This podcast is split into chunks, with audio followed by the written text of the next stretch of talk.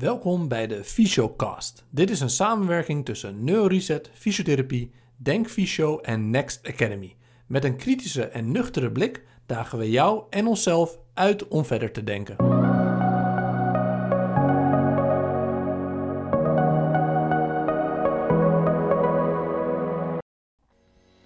Welkom bij de Fysiocast recap van Yuri Kalsius. Dr. Yuri Kalsius is van basisopleiding klinisch psycholoog en kinestherapeut. Hij studeerde eveneens cultuurfilosofie en gezondheidswetenschappen. In 10 minuten geef je jou een korte samenvatting van de podcast over het onderwerp psychosomatische klachten. Wil jij meer leren over het onderwerp psychosomatiek? Volg dan de opleiding Psychologie en Psychosomatiek in de somatische praktijk bij Denkfysio en Next Academy.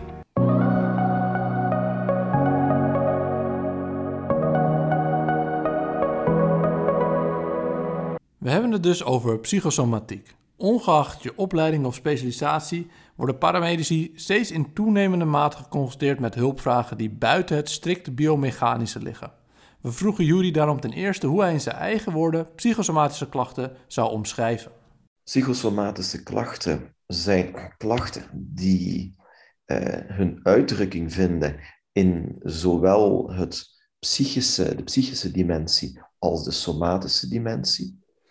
Uh, vaak ook terug te brengen zijn tot deeloorzaken in beide gebieden. Maar onze zoektocht naar de allesverklarende oorzaak, die, eh, die lukt niet. En dat maakt dat dat frustreert.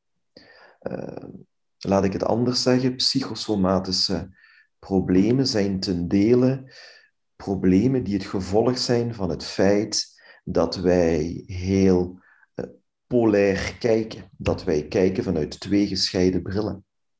Ehm, in zekere zin is het woord psychosomatisch al problematisch, omdat je suggereert dat psyche en soma twee uh, volledig aparte categorieën zijn. En dat is niet zo. Niet op belevingsvlak. We zien het ook meer en meer vanuit breinwetenschappen, dat die grenzen veel minder rigide zijn dan wat we vroeger dachten. Eh, dus het, het botst op ons categorisch denken, het botst op ons lineair denken, het botst op ons kausaal denken. Uh, dus psychosomatische klachten zijn, uh, zijn een hele uitdaging op dat vlak. Oké, dus dat psychomatische spectrum is eigenlijk heel erg breed. En dat maakt het labelen ook heel erg moeilijk. Kijken wij daarom als fysiotherapeut misschien te eentonig naar dit onderwerp? En het problematische aan dit uh, thema of dit, uh, dit onderwerp, is dat die brillen veel te weinig samen uh, geïntegreerd aangewend worden. Het is een of-of verhaal meestal in plaats van een en-en verhaal. Ja? Um, ik, ik, ga een voorbeeld geven. Uh, een van de onderzoeken waar ik vaak naar verwijs, of waar ik vaak zelfs in sommige colleges mee begin, is een onderzoek van uh, onder andere Peter Henningsen. Dat is verschenen in de, de Lancet een, een aantal jaren geleden. En dat brengt eigenlijk de risicofactoren in beeld voor ehm, wat men noemt functioneel somatische syndromen. Dat is wat er eertijds vaak als solkklachten uh, benoemd werd. En dan zie je dat in die review en meta-analyse, want dat was het type studie dat gebeurd is. en goed, als je in de Lancet gepubliceerd kan worden, dat betekent dat jouw methodologie echt wel goed is aangepakt natuurlijk. Dan zien we dat als eh, die onderzoekers een soort van schema maken om die risicofactoren in beeld te brengen, dat zij allereerst drie bronnen evenwaardig langs elkaar leggen. Je hebt de, eh, de biologische problematiek, wat ze noemen organic disease. Je hebt ten tweede het niveau van de verstorende prikkels die er kunnen zijn. Dus functional stimuli noemen ze dat. En ten derde heb je wat men noemt dysfunctionele vroegere of huidige relaties. Dus dysfunctional early and current relationships. En die drie zijn equivalent aanwezig, evenwaardig. Maar, en dan komt het eh, bijzondere aan dit verhaal, die drie komen in dat schema, want daar begint het bij die drie. Dat is eigenlijk een beetje de voorgeschiedenis, die in meer of mindere mate aanwezig is. De ene heeft meer biologische problematiek, de andere heeft meer een traumatische voorgeschiedenis. Maar dan brengen deze onderzoekers dat samen in één convergentiepunt. Dus die drie uh, bronnen komen samen in één punt van waaruit eigenlijk het hele schema dan begint. En dat ene punt, en dat is een heel belangrijk gegeven, dat noemen zij als experience of bodily stress. En dan zeg ik vaak tegen mijn studenten, lees nog een keer goed, want men leest daar overheen. Daar staat niet bodily stress, daar staat experience of bodily stress. En dat maakt dat vanaf dat prille begin in het schema weliswaar, we switchen van een objectieve parameter naar een subjectieve. Oké, we hebben dus eigenlijk een biologisch component. En dan hebben we het eigenlijk over dysfunctionele stimuli, zoals bijvoorbeeld bij weefselschade. En we hebben bijvoorbeeld een dysfunctionele relatie, zoals geweld of verwaarlozing. Je zou dus kunnen zeggen dat zowel de biologische en psychologische factoren hetzelfde zijn qua impact. Maar hoe denkt Jury dan over het BPS-model? Het, uh, het biopsychosociale model dat, is, dat is ook nog op een bepaalde manier, vind ik dat problematisch. En ik ben zeker niet de enige.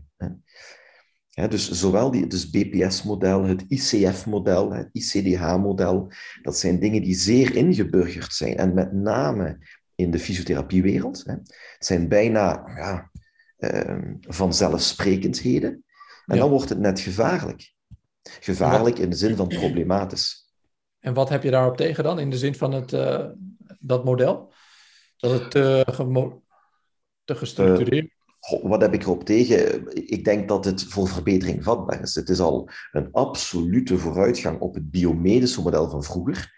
Mhm. Dus we zijn al blij dat de P en de S erin staan, de psychosociale factoren. Uh, ik denk dat het vooral belangrijk is te vragen